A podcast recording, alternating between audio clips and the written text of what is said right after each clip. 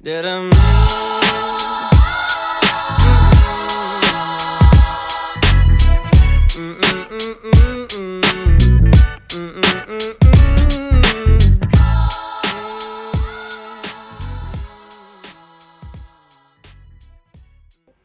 guys, selamat pagi, siang, atau malam untuk seluruh masa Amiska di mana pun kalian berada.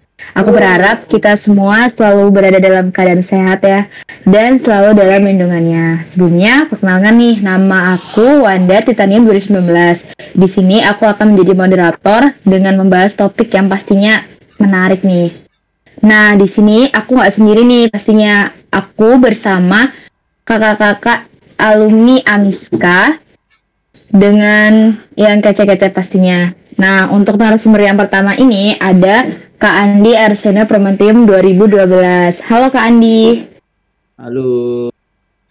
Gimana nih Kak kabarnya? Alhamdulillah baik. Ya, Alhamdulillah. Nah, kalian tahu gak sih, Kak Andi ini sekarang sedang bekerja sebagai QC Supervisor PT Impact Pratama Industri. Kandi ini dulu kakaknya itu mengambil kimia analitik, bukan begitu Kak Andi? Yes, dulu kakak analitik di Bang Han. Oke. Nah, untuk narasumber yang kedua ada Kak Kartika Trianita Natrium 2010. Halo Kartika. Halo semuanya, apa kabar? Berat dikit ya aku nitrogen. oh iya. Dari Kak Kartika ini nitrogen 2010 Ya. Nah, kalau Katika sendiri ini sekarang bekerja sebagai karyawan swasta CV Indotes Multilaboratama. Oke, okay, ya. jadi langsung saja ya kakak semua. Uh, aku penasaran sih bidang pekerjaan yang sedang kakak lakukan sekarang itu ada nggak sih kaitannya sama ilmu kimia yang sudah dipelajari di ITB? Ini dari Mungkin dari Kak Andi dulu uh, untuk sekarang nih, nah kan saya jadi QC ya, bergeraknya di iya, bidang uh, chemical construction ya, jadi material konstruksi basicnya dari jadi secara otomatis saya juga di lab lab ya jatuh. Cuma untuk saat ini saya nggak pure di ini nggak pure di lab, jatuhnya ke produk. Jadi saya mengontrol proses secara input. Kalau untuk untuk labnya itu hanya sebatas kalau kita nih material ya misalnya kedatang keton, solvent, kanon, jadi dia masa berapa, berapa, berapa, paling gitu gitu. Tapi so far memang masih ada kaitannya walaupun nggak banyak karena mostly ilmunya malah lebih ke sipil. Itu. Wah, menarik banget. Jadi prefernya rada ke sipil-sipil gitu ya, Kak? Uh, uh, hanya hmm. ke sipil gitulah. Tapi maksudnya sipilnya tetap nggak jauh-jauh dari material sih. Oke, kalau Katika sendiri gimana, Kak? Kalau aku uh, sekarang tuh di Indotest ini kan sebagai admin marketing ya. Jadi sebenarnya kalau dibilang relate sama kimia bisa dibilang 90% enggak ya seperti ya. itu kalau di tempat kerja yang sekarang. Jadi kan kebenaran tempat kerja yang sekarang itu tempat kerja yang kedua. Nah, yang tempat kerja kalau yang pertama itu dulu uh, lebih nyambung sih dengan kimia. Kalau yang sekarang itu uh, industrinya mungkin dari namanya Indotes Multilaboratama terkesan seperti berbau kimia ya, tapi sebenarnya ini tuh yeah. bidangnya adalah uh, alat lab untuk konstruksi. Jadi sebenarnya mirip juga ya sama. narasumber satu lagi nih agak-agak mirip nih sama Andi. Jadi uh, kal tapi kalau di aku itu khusus ke alat labnya. Jadi lebih ke alat. Kalau Andi kan tadi masih ada chemicalsnya ya. Kalau aku di sini benar-benar alat. Jadi dibilang relate tuh yang aku bilang 90% gak relate karena di situ pengembangannya lebih ke alat jadi benar-benar sipilnya tuh lebih lebih lebih sipil lagi gitu dan kita uh, mempelajari produk baru gitu karena kita kan di, kimia belajarnya chemicals tapi kalau di sini belajar alat yang baru gitu Oke, menarik juga. Nah, kalau dari kalian sendiri kan, kalau dari Kak Andi masih ada relate-nya nih, sedikit-sedikit sama kimia. Sedangkan ketika itu cukup jauh. Nah, kenapa akhirnya ketika memilih untuk yang uh, agak keluar gitu dari hal berbau kimia? Uh, mencoba hal baru kah atau seperti apa nih kalau Katika? Kalau aku sih sebenarnya uh, jadi aku tuh kan setelah lulus dari perusahaan yang pertama itu aku ngambil S2 kan di ITB. Nah, setelah aku lulus di ITB itu kan lulusnya tuh uh, wisudanya Desember gitu, tapi sebenarnya lulusnya udah dari Agustus. Nah, setelah itu kan masuk masa pandemi tuh. Jadi sebenarnya emang udah mulai susah uh, cari kerja juga waktu itu.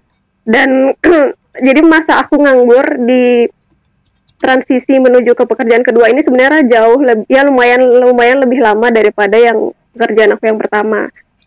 Jadi eh, nggak uh, menjamin juga ya ternyata S2 itu menjadi lebih mudah dapat kerja kayak gitu.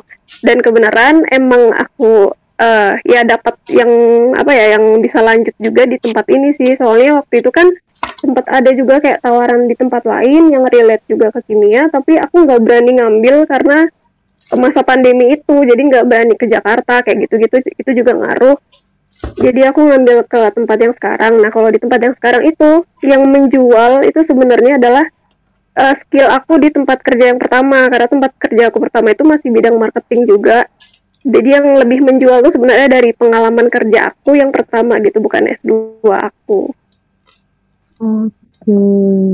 Siap siap. Jadi Kak Tika itu um, udah sempat kerja terus lanjut studi dan nyari kerja lagi gitu ya kak? Iya betul. Kalau Kak Andi sendiri gimana nih Kak? Uh, tetap ingin apa sih kayak akhirnya memutuskan lanjut nih ada yang kaitannya sama kimia gitu? Lebih tepatnya gini sih. Dulu dulu kan saya lulus ber 2018 kan. 11 terus bulan Maret 19. Jadi saya nganggur lumayan lama tuh dari Maret hampir berapa tuh? Setengah tahun lebih lah ya. Nah awalnya dulu pengennya hengkang dari kimia karena saya lulus aja enam tahun buru-buru lah mau kimia lah kayak udah muak banget lah ya udah pengen keluar aja lah dari kimia. Daftar sales daftar marketing daftar uh, apa ya misalnya ya yang bukan bukan kimia lah intinya mah. Eh ya ternyata rezekinya di kimia lagi ya udahlah nikmatin aja lah so far sih memang sebenarnya pengen hengkang dari kimia sebenarnya tuh di Anes ya. Karena entah kenapa sulit di kimia sulit bisa kerjaannya tuh mikir terus. Lagi di lab kan cuma itu tadi. Lagi di pandemi ini juga kan apabila mau ini nih kayak ketika bilang nih kalau mau dan kan juga agak mikir sebenarnya karena kita mau pindah ke perusahaan mana aja orang jarang gitu. Jadi sebenarnya uh, masalah kimia kalau udah di dunia kerjaan nggak akan ya kecuali di R dan R&D-nya R&D apa dulu?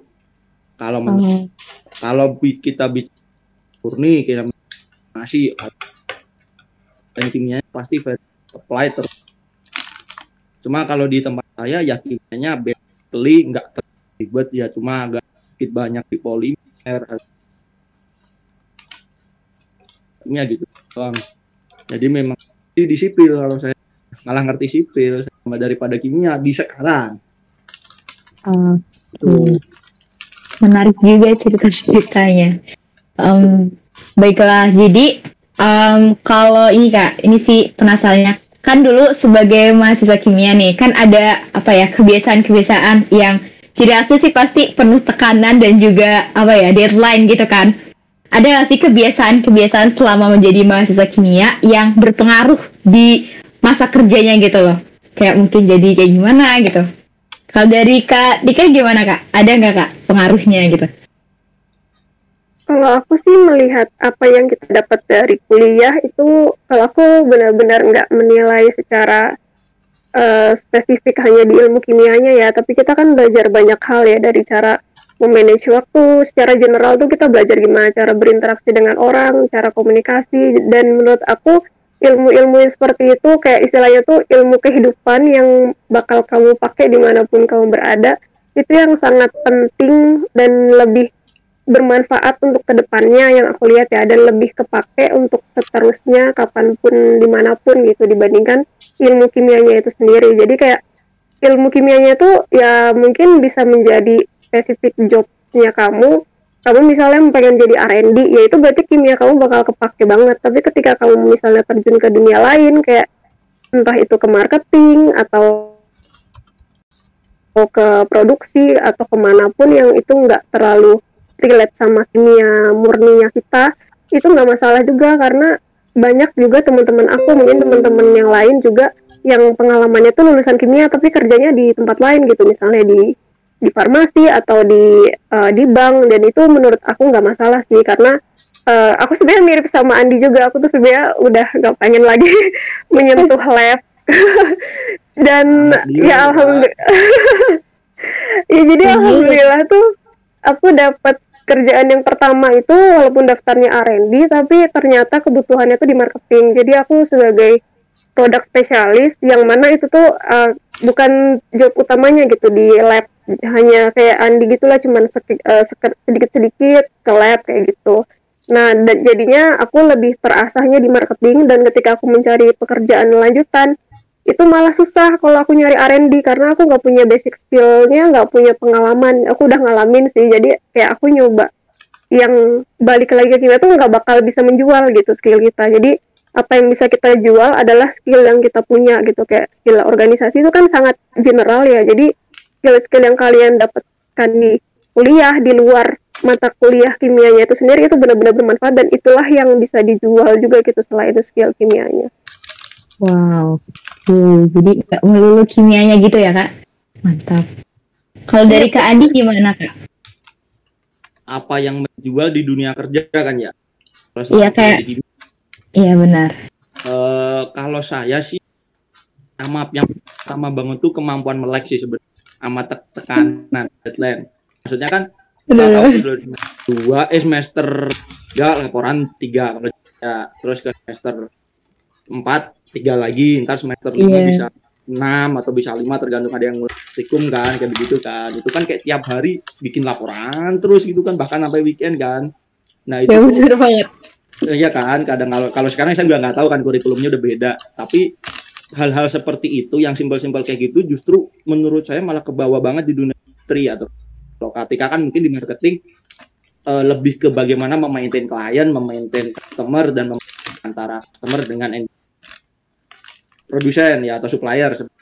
Kalau di saya saya lebih lebih apa lebih uh, kepake ilmu yang masalah deadline itu atau kanan karena untuk di dunia kita tiap hari kan pasti dituntut untuk punya inovasi atau uh, output, achieve, target itulah. Kita bicara swasta kan pasti relatif target, target, target, target, target, nggak target, nggak bonus lah istilahnya gitu kan.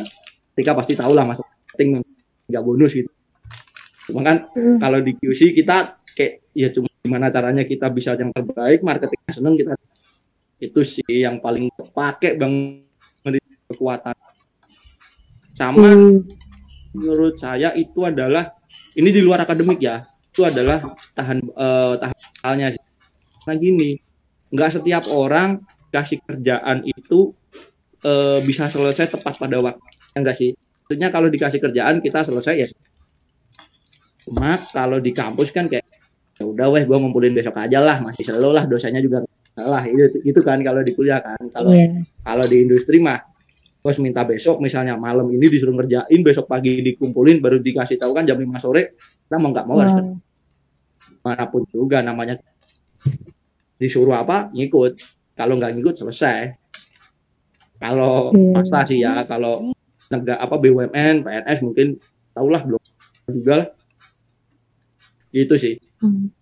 Oke, jadi manfaat juga ya ilmu begadang dan tekanan mentalnya juga latihan fondasi. Oke okay, fondasi. kan produksi industri gitu kan 24 jam. Ya sih. Hmm. oke okay, oke. Okay. wah ini berarti kita ilmu begadang dan tekanannya harus benar-benar dilatih ini. Buat menuju dunia pekerjaan. Kata saya nah, harus. Harus. Oke okay, siap kak Kalau ini kak itu sih kak. Lebih ke pas kakak semua itu mendekati kelulusan atau mungkin udah lulus itu kan pastinya mempunyai suatu rencana dan rancangan gitu kan. Nah kira-kira dulu tuh kakak uh, membuat rancangan itu tuh kayak seperti apa gitu? Kayak rancangannya tuh mulai dari mana gitu loh? Kayak uh, apakah setelah lulus aku harus kayak gini dulu terus selanjutnya kayak gini atau gimana gitu kak? Ada kak? Mungkin dari hmm, deh. Gimana Katika kalau aku uh, yang pasti kalau di kita di ITB tuh kan nunggu wisuda ya. Jadi tapi waktu wisudanya tuh nggak terlalu lama sih. Dulu tuh aku lulusnya Mei wisudanya Juli.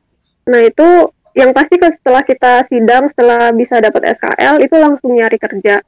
Dan aku masih ingat banget job fair job fair itu udah pasti lah buat fresh grad tuh kayak ya udah jadi hobi baru gitu kan ke job fair nah kalau aku masih ingat banget dulu waktu pertama lulus S1 tuh aku apply di job fair itu sampai bisa ratusan jadi wow. bener-bener yang awalnya tuh mungkin karena mungkin awalnya kan aku ego ya nggak mau milih kimia lagi gitu tapi ujung-ujungnya kita basicnya kimia, kita mau daftar ke yang bukan kimia juga pasti orang mikir-mikir kan, perusahaannya juga mungkin belum tentu bisa menerima gitu. Jadi akhirnya aku apply aja kayak belas aja udah ke mana pun aku apply sampai akhirnya ya udah sampai akhirnya nemu jalan yang aku dapat kemarin gitu. Jadi kalau untuk persiapan sih sebenarnya udah harus langsung start aja setelah lulus dan yang pasti harus kita harus tahu dulu sih tujuannya tuh kita mau jadi apa. Jadi ditarik mundur gitu dari kita pengennya jadi apa tarik mundur gimana caranya apa skill yang harus kita asah misalnya di zaman kuliah kayak gitu apa yang harus kita tingkatkan yang harus kita persiapkan ketika mendaftar jadi kita kita kita daftar orang yang well prepare sama enggak kan pasti beda kan jadi yang udah prepare tuh pasti perusahaan juga bisa menilai gitu dari CV-nya dia dari skill yang dia udah punya, pengalamannya dia itu mendukung ke job yang sedang kita apply gitu. Apa pun job yang kita inginkan ya, mau di bidang kimia, di luar kimia, menurut aku itu nggak masalah sih. Hmm, mantap banget. Kalau dari Kak Andi sendiri gimana Kak? Setelah lulus, siapanya apa? Yang jelas sebelum lulus harus tahu dulu sih pesannya ke mana. Maksudnya habis lulus kan sebenarnya istilahnya kita cuma be udah bebas tanggung jawab ya kan kadang kan yeah. ada iya. dia pengen dosen dulu ikut cek dulu atau ngeles nah itu tuh harus tahu dulu sebenarnya awal. Kalau memang mau bekerja juga bekerja seperti apa sih kayak yang ketika bilang kan oh saya pengen uh, eh, R&D nih udah cari. Pengennya apa QC saya pengennya apa mas? Ya udah cari aja dulu sih sebenarnya. Nggak perlu. Kalau kata saya mah nggak perlu terlalu saklek ya. Pada akhir adalah idealis Anda akan berubah menjadi realisme ya. secara pahit. Karena awal-awal saya lulus, saya dulu pengennya MT, MT, MT, pengennya begitu. Awal-awal dan pengennya BUMN. Iya, iya. Tapi setelah hampir setengah tahun nganggur, ya bisa gue gini-gini aja, maka kapan gue dapet duit gitu kan? Ya udah lah, akhirnya udah mulai-mulai tiga bulan, empat bulan, ya sikat weh lowongan daftar, daftar lowongan, daftar lowongan, daftar bodo amat lah jadi apalah asal asal bukan admin kalau saya mah dulu dulu uh, karena kan uh. dulu banyak kan D3 ya, ya kan ketika maksudnya bukan mendiskreditkan cuma kan yeah. ada dulu banyakannya D3 kan yeah. kalau kalian S1 ya jangan, kalau sebisa mungkin jangan tiga deh sama aja sebenarnya bukan kan bisa cuma kan biasanya kalau ITB terkenal dengan yang nggak cocok dan kalau sahabat pindah ke dan memang kalau kita mengemban nama ITB itu sebenarnya susahnya adalah memegang ekspektasi. Nah, it, karena ITB terkenal dengan bajing loncat. Bajing loncat gimana? Bajing jadi dia di perusahaan ini nih, ntar setahun dia nggak betah pindah lagi, ini pindah ke mana? Oh, pindah ke mana? Okay. kalau dalam HRD pasti pikirannya kamu ini ini yang nggak loyal ya, nggak setia ya. Oke. Okay, iya, iya. Dengan situasi yang nggak nyaman dikit aja kalian udah nggak mau. Gitu. Oh. Jadi ya tergantung niatnya sih. Yang mau kerja ya udah tentukan pikir tentukan dari awal kerja kerja apa pun sih kaci. Kayaknya S2 dulu akan atau S1 nyari eh, nyari kerja yang bisa di sekolahin S2 misalnya jadi PNSDP itu ya bisa tentuin dulu dari awal. Hmm. Seperti Oke, terima kasih Kak Tika sama Kandi. Nah, aku bahas tadi sih, pastinya kan uh, perjalanan menuju kelulusan itu kan kayak ada TA terus belum lagi setelah uh, lulus kan wisuda terus nyari kerja. Itu di masa-masa transisi ketika mau lulus dan setelah lulus itu ada sih kayak struggle-nya itu? Gimana kak? Terus cara ngatasin versi Kak Andi dan Kak Tika itu gimana sih? Kan pastinya uh, kakak-kakak wisudawan sekarang kan mungkin sedang merasakan dan akan merasakan. Nah ini bisa nih jadi tips mungkin buat uh, kakak-kakak wisudawan yang apabila merasakan struggle itu gimana sih cara ngatasinnya gitu. Mungkin Kak Tika. Silakan Kak Tika. Oke, kalau aku sih sebenarnya dulu itu termasuk yang pengen cepet-cepet lulus karena aku udah nggak pengen lama-lama gitu, nggak pengen lama-lama ngerjain apa yang aku kerjain saat itu.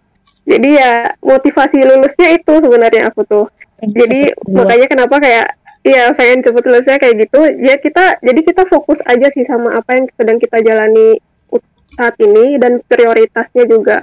Kalau emang sekarang emang lagi ngejar kelulusan, ya udah nggak apa-apa fokus aja dulu buat kelulusan, biar nggak terpecah juga pikirannya kan mungkin mikirin ntar mau daftar kerja di mana. Udah yang penting lulus aja dulu daripada mikirin ntar kerja di mana. Udah yang penting lulus dulu, dapat SKL dulu buat lulus aja kan berjuangnya banget kan. Maksudnya tiap orang juga perjuangannya pasti beda-beda gitu. Gimana mempersiapkan sidang kayak gitu-gitu itu aja udah berat sendiri gitu. Jadi fokus aja dulu ke hal-hal yang dipersiapkan untuk bisa lulus bisa dapat SKL setelah dapat SKL barulah kita mulai ikut job fair ikut pelatihan pelatih misalnya ada acara yang kayak kan ada ITBCC ya ITB Career Center. Nah itu bisa dipakai juga buat konsultasi ke psikologi yang di situ juga bisa aku pernah juga sih konsultasi ke situ. Jadi kayak kita bisa konsultasi uh, kita tuh cocoknya ke mana atau apalah kayak minta saran untuk bisa membantu kita menentukan arah selanjutnya itu bisa dipakai fasilitas-fasilitas kayak gitu atau misalnya ada pelatihan pembuatan CV atau apa itu bisa dipakai juga.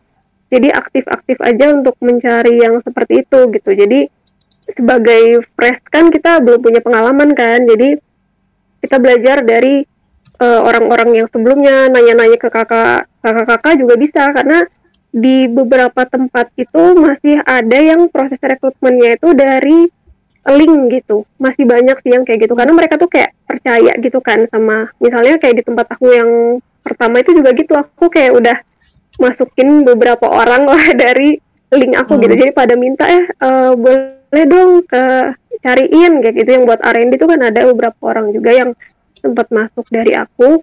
Terus uh, jadi bisa jadi link sih. Kalau kalau setelah itu sih sebenarnya sempat ada info-info lagi. Cuman kan kalau karena kita beda angkatannya lumayan jauh ya. Jadi kadang uh, bingung juga sih aku kadang buat memberi info. Kalau zaman dulu masih agak deket waktunya sama kerja di sana kan masih pada suka sering nanya-nanya gitu. Jadi mungkin jaringan ke alumni juga bisa diperkuat ya supaya bisa update terus sama info-info kayak gitu. Hmm. Uh, berarti relasi itu masih apa ya kayak penting banget ya kak buat kita bertahan. Hmm. Iya betul penting banget benar. Okay. Kalau dari sisi kak Andi gimana kak? Persiapan sebenarnya nggak beda jauh sama Katika sih ya. Kalau sebelum sebelum sebelum lulus ya pasti struggle-nya ya sidang gimana kalau nilai jelek teh nah gitu. setelah lulus kasih waktu lah sebenarnya. Kalau menurut saya mah habis lulus ya jangan jangan nggak ngegas banget lah. Kasih napas dikit lah otak nggak panas banget lah. Masa ya udah kenceng banget mikirnya langsung nyari kerjaan gitu kan. Cuma ya jangan lama-lama kayak saya lah. Terlalu lama saat saya mah nah Terus setelah kerja memang benar sih relasi itu penting kan. Jujurnya banyak perusahaan terutama yang gede di Indonesia itu masih memandang top 10 Indonesia sebagai apa ya aset atau sumber daya manusia. Tapi kan maksudnya UI, ITB. Mereka memandang tiga kampus kayak bagus lah. Jadi mau tidak mau kita membawa beban itu sebagai tanggung jawab kita terhadap komputer kan. Ya hmm. kalau ya anak ITB ya tolong bawa ITB-nya bener-bener ke arah yang bagus ya. Baik lah. Ya. Citra perusahaan jelek, citra alma mater jelek. dan kalau masalah eh, apa tadi juga bagaimana kita menjalin hubungan maka dari itu kan di himpunan kita sering kontak ketemu ini gimana coba-coba isi tahu juga nah kok gitu sih sebet so far sisanya sama sih Oke kak. Berarti apa ya? Kita pas lulus tuh kayak masih membawa nama ITB dan uh, bisa dibilang tuh tiga kampus ya bisa dibilang yang terbaik gitu ya di Indonesia tuh masih kayak sering dilirik sama perusahaan-perusahaan gitu ya kak. Kayak mungkin bisa dibilang ada uh, mayoritasnya gitu kayak lebih dipreferkan atau gimana gitu kak? Dan bukan bukan kita setelah lulus membawa nama ITB selamanya kalian akan bawa nama Iya. ITB karena Oh. pasti rata-rata pekerja kalau kita concern pekerjaan kan rata orang tiga kan kerja ya nggak nggak ter nggak ada S2 atau tiga tapi kan rata-rata kalau kita kerja satu kan Iya. jadi yang dilihat pasti satunya ya itu Hmm. kalian kalau mau kalau kalau kalian mau pindah ke perusahaan lain memang kalian membawa ekspektasi misalnya saya tiga tahun sebagai UC gitu. Tapi kan tetap dulu di mana kuliahnya? Itu tetap Hmm. kadang eh top 3 kampus itu ada apa dikit ada privilege lah. Baik kak. Jadi ya intinya ITB dia cukup membantu kita ya kak dalam mencari pekerjaan gitu ya. Nah, ngomong-ngomong tadi tentang kayak pekerjaan, terus tadi juga ketika sempat menyebut tentang CV pelatihan CV gitu, em, tips CV yang bisa apa ya, mungkin lebih dilirik sama HRD, terus juga pastinya kan kalau kita ngelamar pekerjaan ada namanya tahap interview gitu. Ada nggak sih dari kakak semua tuh kayak tipsnya biar reviewnya tuh pas di interview tuh lancar, terus bisa lolos gitu sama HRD-nya gitu. Gimana kak? Mungkin Kak Tika deh. Oh, dari aku sih untuk CV itu sendiri yang penting kita update aja sama perkembangan zaman dan seperti apa yang CV kekinian gitu. Karena CV aku waktu S1 itu beda sama waktu S2 karena waktu S1 dan itu kayak kita tuh sa- sesama temen tuh kayak make template yang sama gitu loh. Jadi aku tuh minta juga pengen ngelihat template temen aku aku ganti sama biodata aku. Jadi awalnya tuh aku pakai CV itu. Nah waktu zaman aku udah lulus S2 itu eh, sekarang tuh kan udah zamannya lebih kekinian. Jadi CV itu udah lebih padat. Padat tuh ringkas padat jelas nggak bertele-tele gitu. Nah CV aku yang S1 itu tuh masih masih tipe yang bertele-tele. Jadi kayak maksudnya misalnya ngejelasin tentang pengalaman itu tuh sampai detail ke jobnya seperti apa kayak gitu-gitu. Nah di CV yang sekarang tuh kan singkat padat jelas. Yang penting info-info yang pentingnya itu kayak satu halaman cukup ya buat fresh grade. Itu satu halaman cukup. Kalau pengalaman itu dua halaman udah maksimal malah. Jadi bisa di googling aja sebenarnya kalau eh, bentuk CV yang sekarang yang kekinian itu seperti apa. Yang informat informatif eye catching cukup mewakili diri kita bisa menggambarkan diri kita. Itu udah banyak di eh, di googling sih bisa di googling banyak. Kalau misalnya ada pelatihan-pelatihan atau bisa dilihat eh, ada yang ngadain ya kayak itu persiapan buat menghadapi dunia kerja itu juga bisa diikutin karena biasanya suka dikasih tips dan triknya. Kalau untuk interview sendiri, kalau dari aku sih sebenarnya yang paling penting yang utama tuh ya kita harus be yourself sih. Jadi ya orang bisa menilai gitu kita itu seperti apa ya ketika interview itu dan kita nggak bisa membohongi diri kita kita nggak bisa menjadi orang lain ketika interview itu akan sangat sulit gitu. Misalnya eh, aku personalitinya gini tapi mau misalnya aku mau memanipulasi gitu interview aku mau jadi orang yang eh, super aktif atau apa misalnya itu juga apa ya bakal kebaca sih sama user atau sama HRD jadi yang penting kita be yourself aja yang penting kita tahu kelebihan kekurangan kita apa dan kita bisa menjadikan kelebihan kita untuk mendukung pekerjaan kita yang sedang kita lamar dan kita bisa mengatasi juga kekurangan kita gitu kan. Biasanya tuh pertanyaan yang salah satu ya pertanyaan yang mungkin sering ditanyain tuh kan kayak kelebihan kekurangan kamu apa? gitu. Jadi ya kita nggak bisa dengan eh, sombongnya bilang kita nggak punya kekurangan juga karena semua orang pasti punya kekurangan. Tapi gimana cara kita mengatasi kekurangan itu gitu. Hmm, menarik banget. Mungkin uh, aku simpulnya sekalian sama dari pendapat Kak Andi. Kalau dari pendapat Kak Andi gimana Kak? Terkait CV ya? Iya, uh, CV dan interview. Saya mah anak kanva. Oke. Iya, saya udah banyak template. Uh, uh, karena banyak template yang gak usah ribet lah kata. Cuma memang uh, sebenarnya itu adalah bagaimana yang ketika bilang sih jelas jelas. Sebenarnya nggak nggak bagus juga kalau itu terlalu bertele-tele jelaskan misalnya QC di ini berperan dalam maintain of the material misalnya itu doang cukup sama eye catching. Jadi jangan bikin kalau kalau mungkin kalian masih banyak lihat tuh yang kayak cuma pakai Word hitam putih foto doang gitu kan. Kurang eye catching sih sebenarnya. Pun pengalamannya banyak ya punya banyak kalau CV-nya mereka juga kadang jadi bagaimana kalian pilih desain sih? Kalau bingung Canva banyak. Ya, kalau bingung lagi masih banyak jasa-jasa bikin CG aku juga kali revisi dan memang nggak per, nggak perlu sampai dua halaman satu halaman fresh grade kayaknya. Dan jelaskan apa uh, hal-hal yang seperlu nggak perlu nulis nggak perlu nulis nationality, tanggal lahir, tanggal lahir mungkin enggak sih, lebih ke umur. Saya mending ke umur lebih. Tapi ya juga nggak perlu umur, nggak perlu tanggal lahir juga sih. Karena kadang gini masih banyak orang yang agamanya nationality. Kalian bukan kerja di M, bukan kerja sebagai dakwah Islam lah. Kalian kerja di perusahaan nggak akan lihat agama kalian gitu. Oh, iya. Kalian punya TOEFL tulis kan. Ayo tuh piagam presiden kalian punya apa misalnya juara lomba karya tulis ilmu tulis.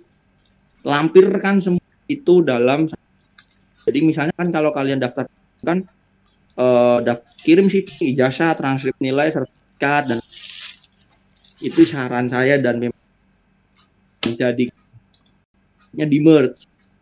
Jangan ini sendiri ini sendiri ini sendiri ini sendiri. Kecuali kalau rekrutmen atau websitenya memang kayak kalian tahu kan ya yang kayak upload CV di sini, upload transkrip di sini kebayang ya. Iya. Tapi kalau kadang cuma send your best portfolio atau send your best resume to hrd hrd at apa.com, nah itu kalian jadi jadi HRD sekali klik klik udah. Hmm. Dan CV taruh paling pertama. Kalau kata CV itu taruh paling pertama dari situ kan HR, uh, HR akan menilai oh, ini bisa di CV dan menarik nih gitu lah dan CV juga nggak perlu baku bahasanya pakai bahasa yang gaul juga nggak justru sekarang banyak loh yang CV pakai. Kalian pernah tahu di IG ada yang bikin CV pakai TikTok CV pakai Instagram. Ada kayak begitu. Dibikin portofolio. Ada. Jadi zaman sekarang CV nggak hitam di atas putih kok. Ada yang kayak hmm. nanti cari aja di website atau di bro apa di grup di Google kayak begitu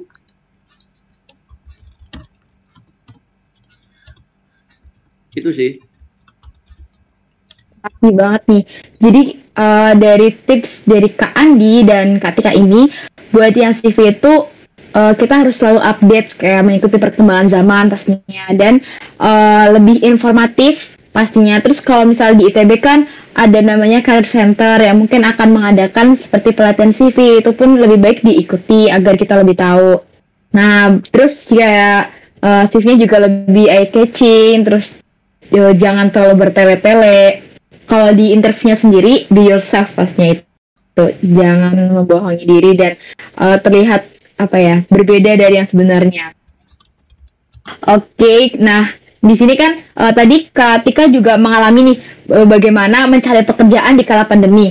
Itu tuh kalau men menurut pendapat Kak Andi dan Kak Tika sendiri uh, emang sesulit apa sih mencari pekerjaan di kala pandemi? Terus kayak um, skill apa yang sebenarnya harus diperlukan saat kita ingin mencari uh, apa ya pekerjaan di kala pandemi? Kan uh, kakak wisudawan pastinya kan ketika lulus nanti ini kan masih dalam rentang pandemi yang belum tahu ujungnya tuh sampai kapan gitu. Mungkin bisa berbagi kak gimana sih kalau uh, mencari pekerjaan di kala pandemi? Atau dari kak Andi sendiri kan uh, sudah bekerja sebelum pandemi atau pernah mendengar temennya atau melihat sendiri di perusahaannya gitu kak? Dipersilakan dari Katika.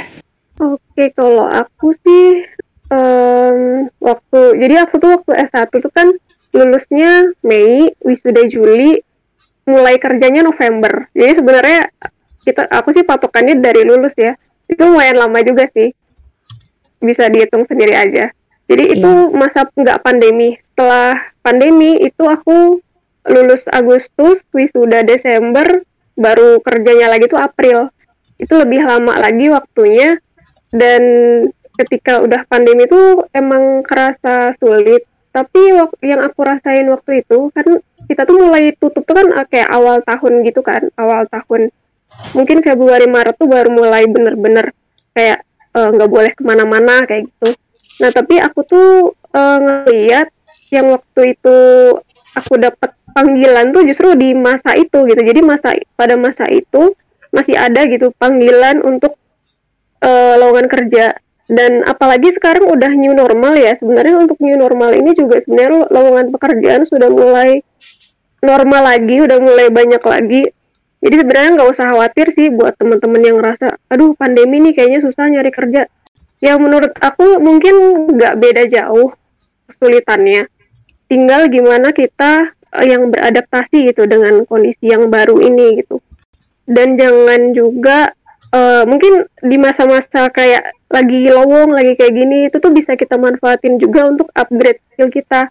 Karena sekarang tuh kan banyak uh, training training online kayak gitu kan yang bisa kita ambil. Banyak yang free juga jadi kita bisa upgrade skill kita. Misalnya kita ngerasa nih aduh kayaknya aku belum punya skill ini. Misalnya pengen masuk ke sini terus kita lihat uh, requirementnya apa aja, skill yang dibutuhkan apa aja. Oh ternyata aku belum punya yang ini. Itu bisa bisa kita pakai untuk belajar skill-skill apa aja yang belum kita punya untuk bisa melamar pekerjaan itu. Dan uh, jangan harus open ya, maksudnya harus mau belajar hal-hal baru gitu. Misalnya kayak sekarang uh, kebutuhan di industri misalnya sekarang tuh banyak yang uh, di bidang IT kayak gitu ya menurut aku nggak masalah juga kalau misalnya kalian tertarik bisa juga gitu coba belajar skill-skill baru yang mulai diminati oleh industri. Jadi nggak hanya mengandalkan skill yang kalian dapat di kuliah gitu, tapi manfaatkanlah uh, waktu-waktu seperti sekarang ini saat kita banyak pos di rumah itu bisa untuk kita upgrade skill gitu. Terus apa lagi tadi? Uh, itu kayak yang pertama kan tadi uh, pandangan mencari sulitnya cari oh, iya. pandemi uh, uh, gimana cara menemukan pekerjaan di, di saat pandemi gini dan skill apa yang paling hmm. penting untuk teman-teman wisudawan miliki di mungkin di masa-masa pandemi ini gitu. Biar bisa uh, ada bisa masuk lolosan lowongan kerja gitu. Itu sih kurang lebih. Ya jadi kalau skill sih uh, aku ngerasanya itu tadi sih. Kayak misalnya sekarang tuh kan zamannya anak-anak tuh kreatif banget gitu kan. Jadi kita harus mengasah gimana kita bisa berpikir kreatif inovatif. Itu tuh skill yang umum general.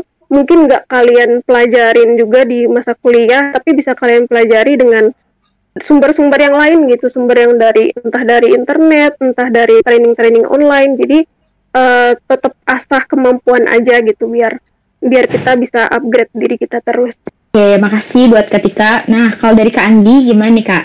Uh, mungkin pernah mendengar pengalaman temannya atau melihat sendiri gitu di perusahaannya. Oh, gimana sih? Jadi maksudnya selama pandemi ini gimana cara kerja gitu? Iya, iya kayak uh, kalau kakak kan kerjanya itu sebelum pandemi kan. Nah, iya jauh. Nah gitu. Uh, yang kakak tahu atau dari cerita teman atau dari perusahaan kakak itu emang seberapa sulitnya sih nyari pekerjaan tuh di kala pandemi dan uh, harus kayak mungkin yang kita lakukan itu biar bisa lolos itu kayak gimana gitu ya karena karena susah atau gimana gitu. Saat pandemi kalau awal-awal pandemi dulu emang susah banget. Parah memang susah banget. Jadi mulai-mulai bulan Maret April itu kebetulan di tempat dan saya yang saya dulu juga sebenarnya ada rekrutmen tapi ya memang Februari Maret closing akhir tahun hmm. kemarin baru jadi memang kalau bicara awal memang susah banget itu.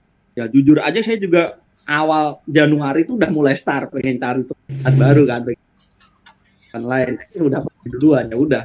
Sekarang di sini aja aja kan. Emang susah tapi karena kata ketika juga udah mulai new normal ini kan jadi perusahaan-perusahaan juga normal lowongan kok. Teman-teman saya sudah mulai tapi memang baru mulai pada pindah. Per tahun lah ada kan ada kok banyak. Apa yang daftar ke daftar ke ada juga yang di approach jadi kontak sorry ini saya nambahin tadi tuh kalian setelah lulus kalau bisa atau sekarang kalian bikin LinkedIn, uh, LinkedIn, LinkedIn, manalah cara baca itu lah. Ya itu. itu karena pengalaman saya saya di approach itu dua perusahaan dari LinkedIn ketika musim baru awal tahun kemarin approach itu far. Jadi eh, bagi sesulit kerja di masa pandemi sebenarnya relatif. Kalau kalau profil yang bagus itu bagus, link juga bagus, ada masanya kalian bakal dicari sama recruiter. Hmm. Apalagi di musim pandemi memang nggak cuma kita yang harus mungkin juga proaktif sih kan e, kebutuhan SDM pasti meningkat lah apalagi setelah lama nggak ada rekrut ada yang udah pensiun nggak ada memang so far sekarang nomor satu adalah CV kedua adalah LinkedIn penting banget buat uh, kadang kalian tiba di approach karena melihat uh, recruiter melihat profil kalian dan gue lagi butuh nih. Atau kadang malah di uh, apa namanya di DM LinkedIn gitu kan tertarik nggak di perusahaan kami? gitu. Saya ada juga yang pindah ke uh, Unilever misalnya. Ada. Jadi itu pun dari LinkedIn. Bukan dia pernah daftar atau dia pernah jadi kalau memang kita coba dari diri kalian sendiri upgrade profil kalian. Siap. Ya jadi uh, buat kakak-kakak wisudawan nih yang sebentar lagi akan lulus dan mm, tiba di masa mencari pekerjaan, meskipun kita masih dalam di kala pandemi itu intinya uh, tetap semangat tuh ya, eh, nggak uh, menutup kemungkinan buat kita itu susah mendapatkan pekerjaan. Yang penting itu dalam diri kita tuh selalu proaktif mencari uh, sumber informasinya itu yang lebih rajin dan juga tadi ada tips dari Kak Andi buat membuat LinkedIn dan kayak memperkenalkan kayak diri kita tuh seperti apa gitu kayak um, menjelaskannya di LinkedIn karena mencari pekerjaan itu bisa dari mana saja terutama dari LinkedIn ini gitu. Nah selain itu untuk skill-skillnya itu ya uh, kreatif dan inovatif yang mungkin nggak kita dapatkan ketika di kuliah itu bisa kita latih selama di masa pandemi ini. Jadi kan uh, meskipun kita di rumah aja kita masih bisa memanfaatkan waktu lah sebaik mungkin untuk meningkatkan skill yang belum kita miliki sebelumnya. Justru dari di kala pandemi ini bisa menjadi jeda buat uh, kakak-kakak wisudawan atau kita semua untuk menambah skill-skill yang uh, mungkin sebelumnya belum sempat dipelajari. Oke, okay. uh, ini sih kalau selama bekerja nih kak, uh, suka duka apa yang kakak-kakak rasakan gitu. Dan bagaimana untuk mengatasi si dukanya ini gitu. Pastinya kan ada gitu kan uh, selama pekerjaan yang mungkin Kak Andi udah cukup lama dan ketika yang sempat bekerja terus lanjut studi dan bekerja lagi itu suka dukanya seperti apa Kak? Kak Tika mungkin dipersilahkan. Oke okay, um, untuk suka duka sih uh, mungkin aku coba menyampaikan dari sisi wanita ya. Jadi kalau cewek kan mungkin lebih sensitif perasaannya atau gimana. Jadi kalau misalnya menghadap dunia kerja yang katanya keras, ya, mungkin untuk wanita perlu menguatkan hati supaya uh, ya sabar aja gitu. Ya menghadapi masalah apa pun kan kita harus sabar ya. Jadi misalnya ya di kantor selek sama orang, beda pendapat atau dimarahin, ya itu biasa. Jadi kita kita yang harus mempersiapkan diri kita mental kita untuk menghadapi dunia kerja. Dan kalau menghadapi masalah di dunia kerja ya hadapi saja dengan ya dengan kepala dingin gitu. Kalau misalnya cewek uh, biasanya misalnya pengen nangis atau apa ya udah silahkan nangis di kamar atau gimana. Menyelesaikan masalahnya kan tiap orang beda-beda ya. Yeah, yeah. ada juga misalnya yang curhat. Kadang tuh kita uh, kalau aku sih sarannya mungkin uh, lebih baik kalau kita itu punya teman dekat gitu di kantor biasanya tuh bisa saling sharing uh, sesama teman. Jadi kayak kayak misalnya tuh aku sama teman-teman marketing itu biasanya kan kita sesama satu tim biasanya tuh kita sama-sama punya masalah yang sama tuh biasanya kita sharing dan itu bisa lumayan mengurangi beban atau uh, yang masalah yang sedang kita hadapi lah seenggaknya dengan cerita kayak gitu-gitu biasanya sih kalau permasalahan di perusahaan ya wajar sih normal sih di mana pun kita kerja mau kamu pindah ke tempat lain pun pasti masalah itu selalu ada gitu deh. Biasanya masalahnya yaitu berhubungan dengan pekerjaan gitu. Misalnya kita salah melakukan apa yaitu bisa dijadi bisa jadi masalah atau um, dimarahin atau apa itu mungkin sesekali ya bisa terjadi gitu. Kalau di aku itu misalnya kita bermasalah nih masalah itu biasa selalu karena permasalahan kerja aja gitu. Di luar kantor selesai urusan kantor ya udah kita temenan lagi kayak kalau marah-marahan di kantor ya udah itu itu pekerjaan yang membuat kita harus uh, seperti itu harus selek atau apa. Tapi di luar itu kita tetap baik. Jadi mungkin buat cewek-cewek juga yang suka baperan.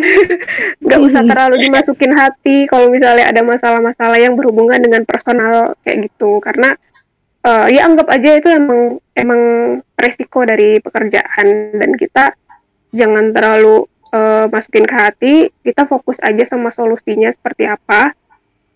Jaga hubungan baik aja sih. Kalau sama orang-orang tuh jaga hubungan baik. Terus kita yang penting berusaha profesional, tidak menggabung-gabungkan lah masalah pribadi dengan masalah pekerjaan.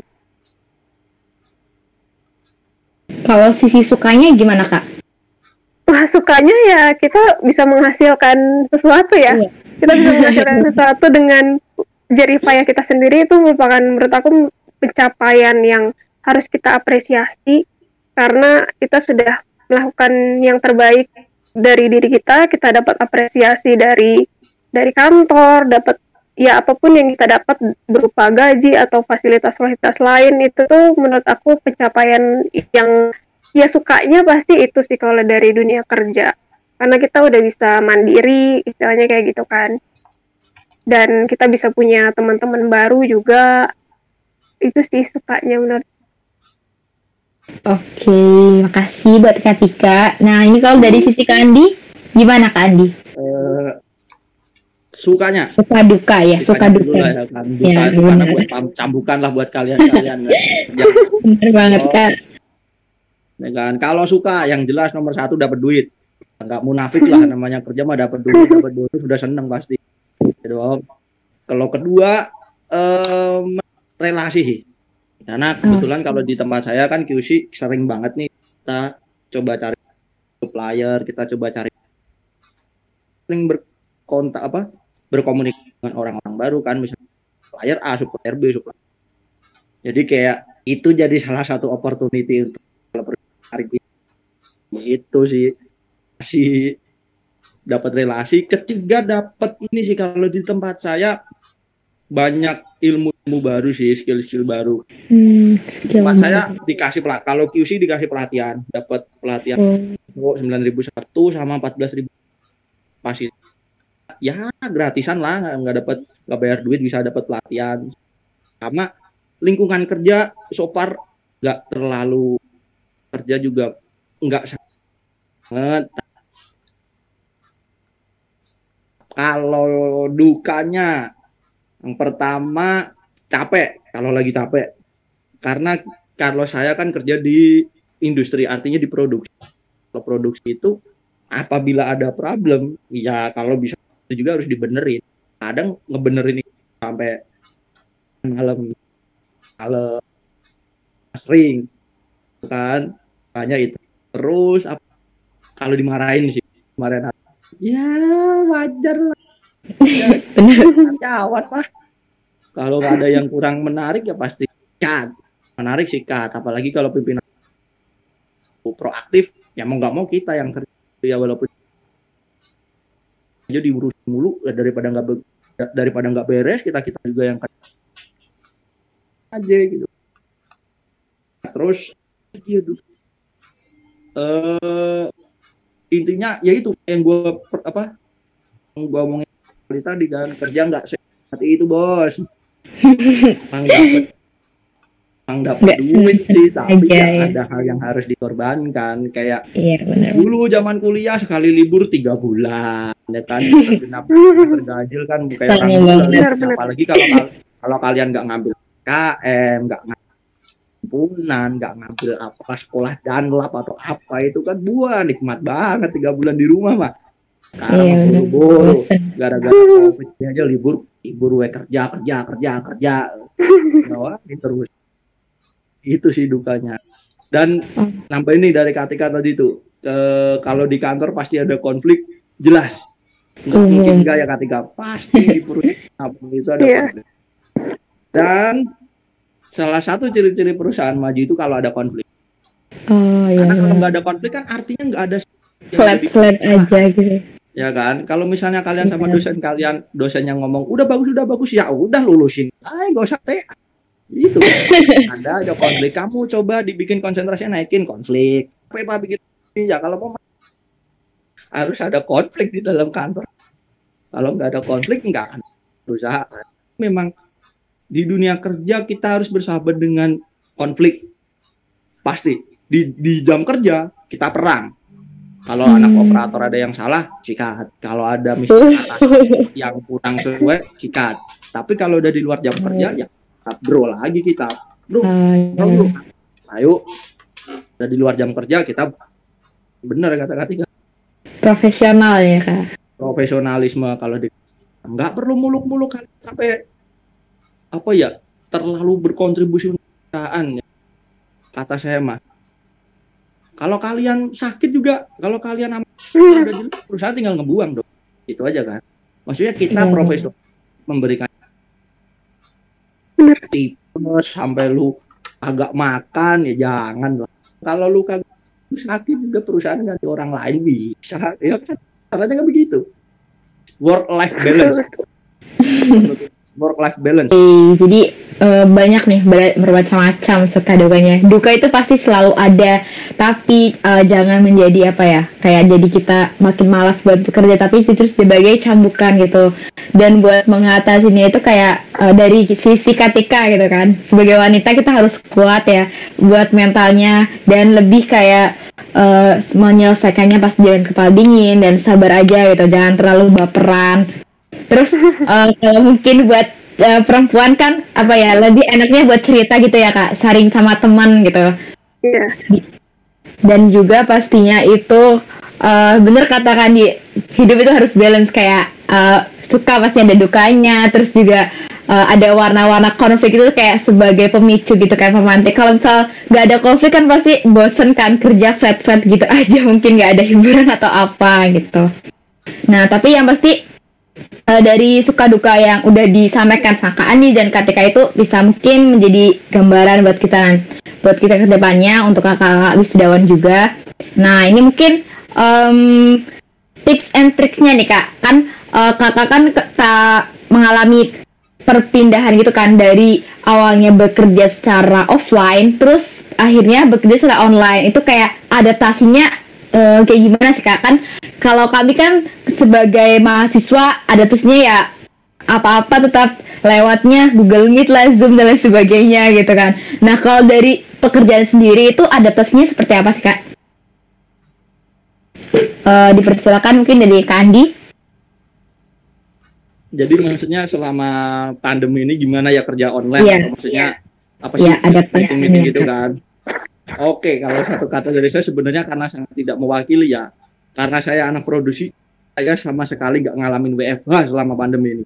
Sama sekali. Wow, Karena kan saya anak pabrik. iya benar. Ya kan, kan.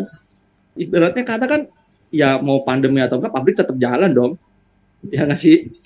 Jadi Iya saya nggak pernah ngalamin WFH sampai sekarang. Cuma kalau masalah meeting-meeting memang by online, via via Meet, Google, eh apa, Team gitu. Cuma kalau pengalaman WFH, ya nggak ada WFH masalahnya.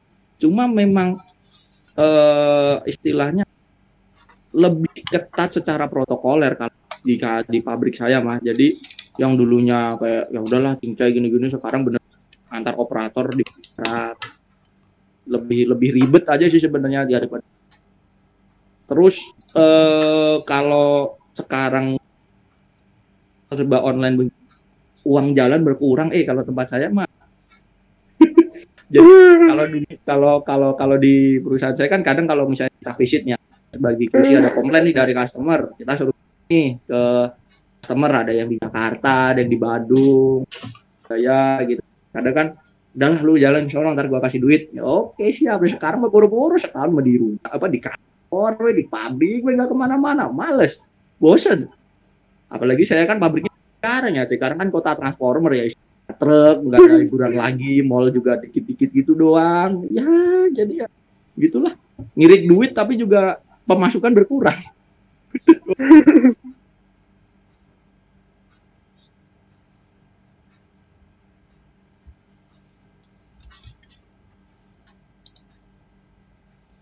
Lagi itu kayak kemute deh Oke, Em, makasih buat Kak Andi nih. Kalau dari sisi Katika, eh, adaptasinya langsung gitu ya Kak? Karena dari awal Katika itu eh, langsung online, begitu Kak? Nah, aku beneran aku jawabannya bakal sama kayak Andi karena aku nggak ngalamin WFA. Oh. Jadi aku itu kebenaran banget perusahaan yang aku kerja saat ini itu ngerekrut aku di saat ben- saat PSBB Bandung mau diberlakukan gitu.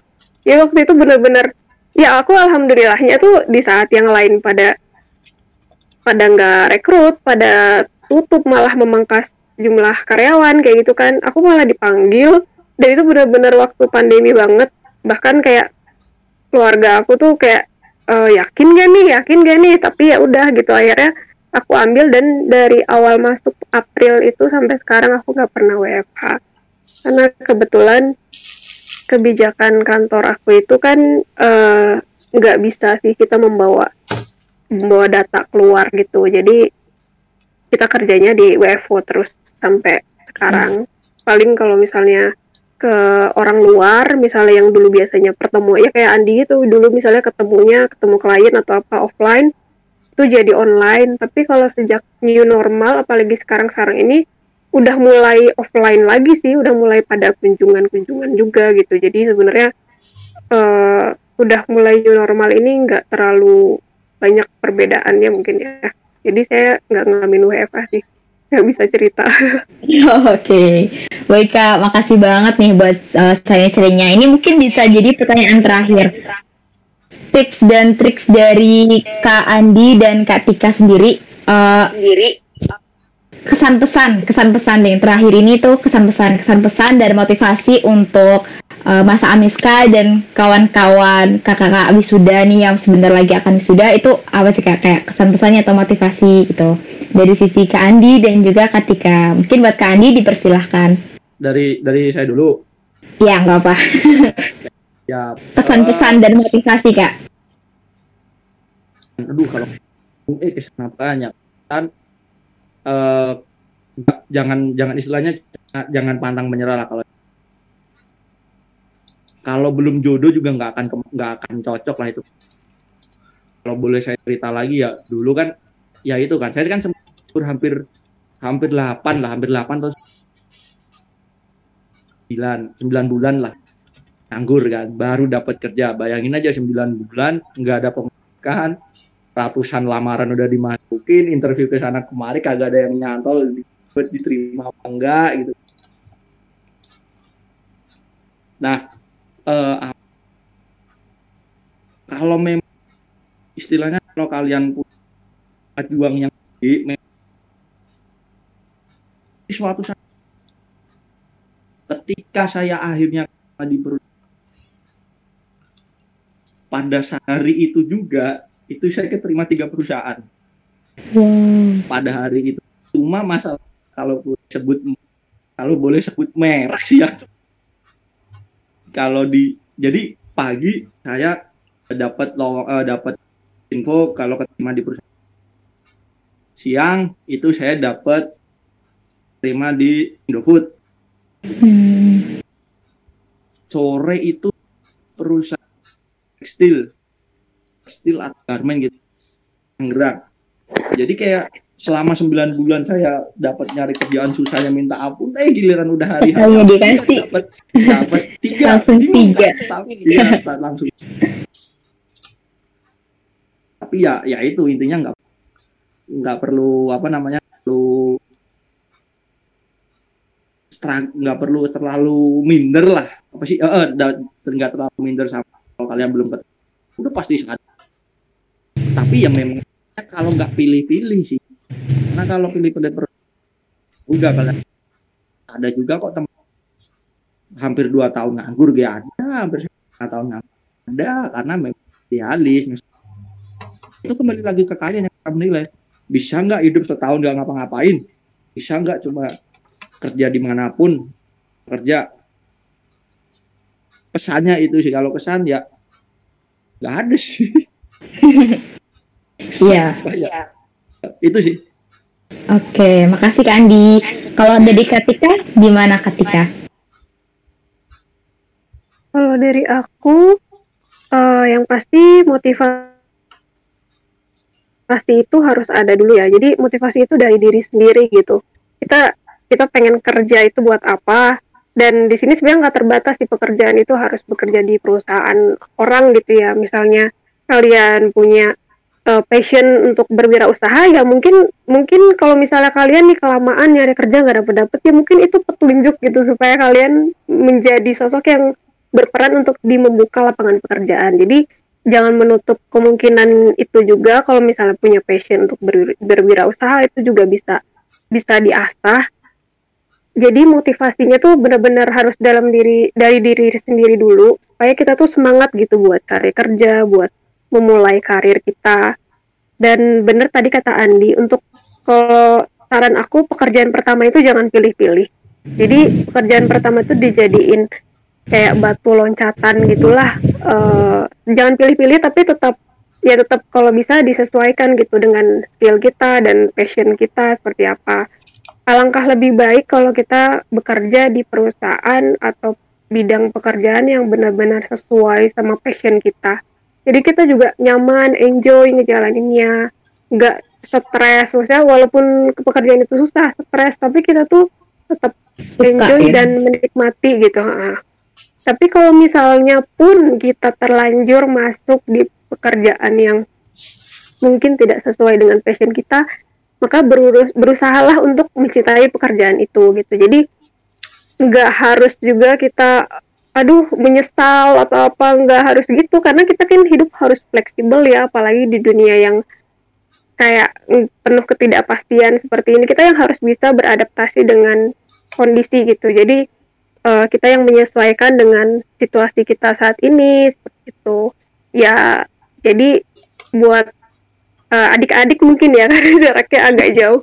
Adik-adik yang mau wisuda tetap semangat gali potensi gali eh, passion kalian juga. Jangan menyerah pokoknya berusaha. Dan eh, kalau mau di kalau ditanya ya berapa kali sih eh, kita aku sama Andi mungkin ngelamar untuk bisa sampai di tempat yang sekarang. Dari aku sendiri bisa bilang kalau ini tuh banyak banget maksudnya aku tuh ngalamin tahap uh, psikotes interview kayak gitu nggak cuma sekali dua kali gitu. Udah bisa mungkin belasan kalau di list mungkin bisa jadi gitu ya. Sampai akhirnya kita sendiri yang bisa mengambil pelajaran dari apa yang kita ambil.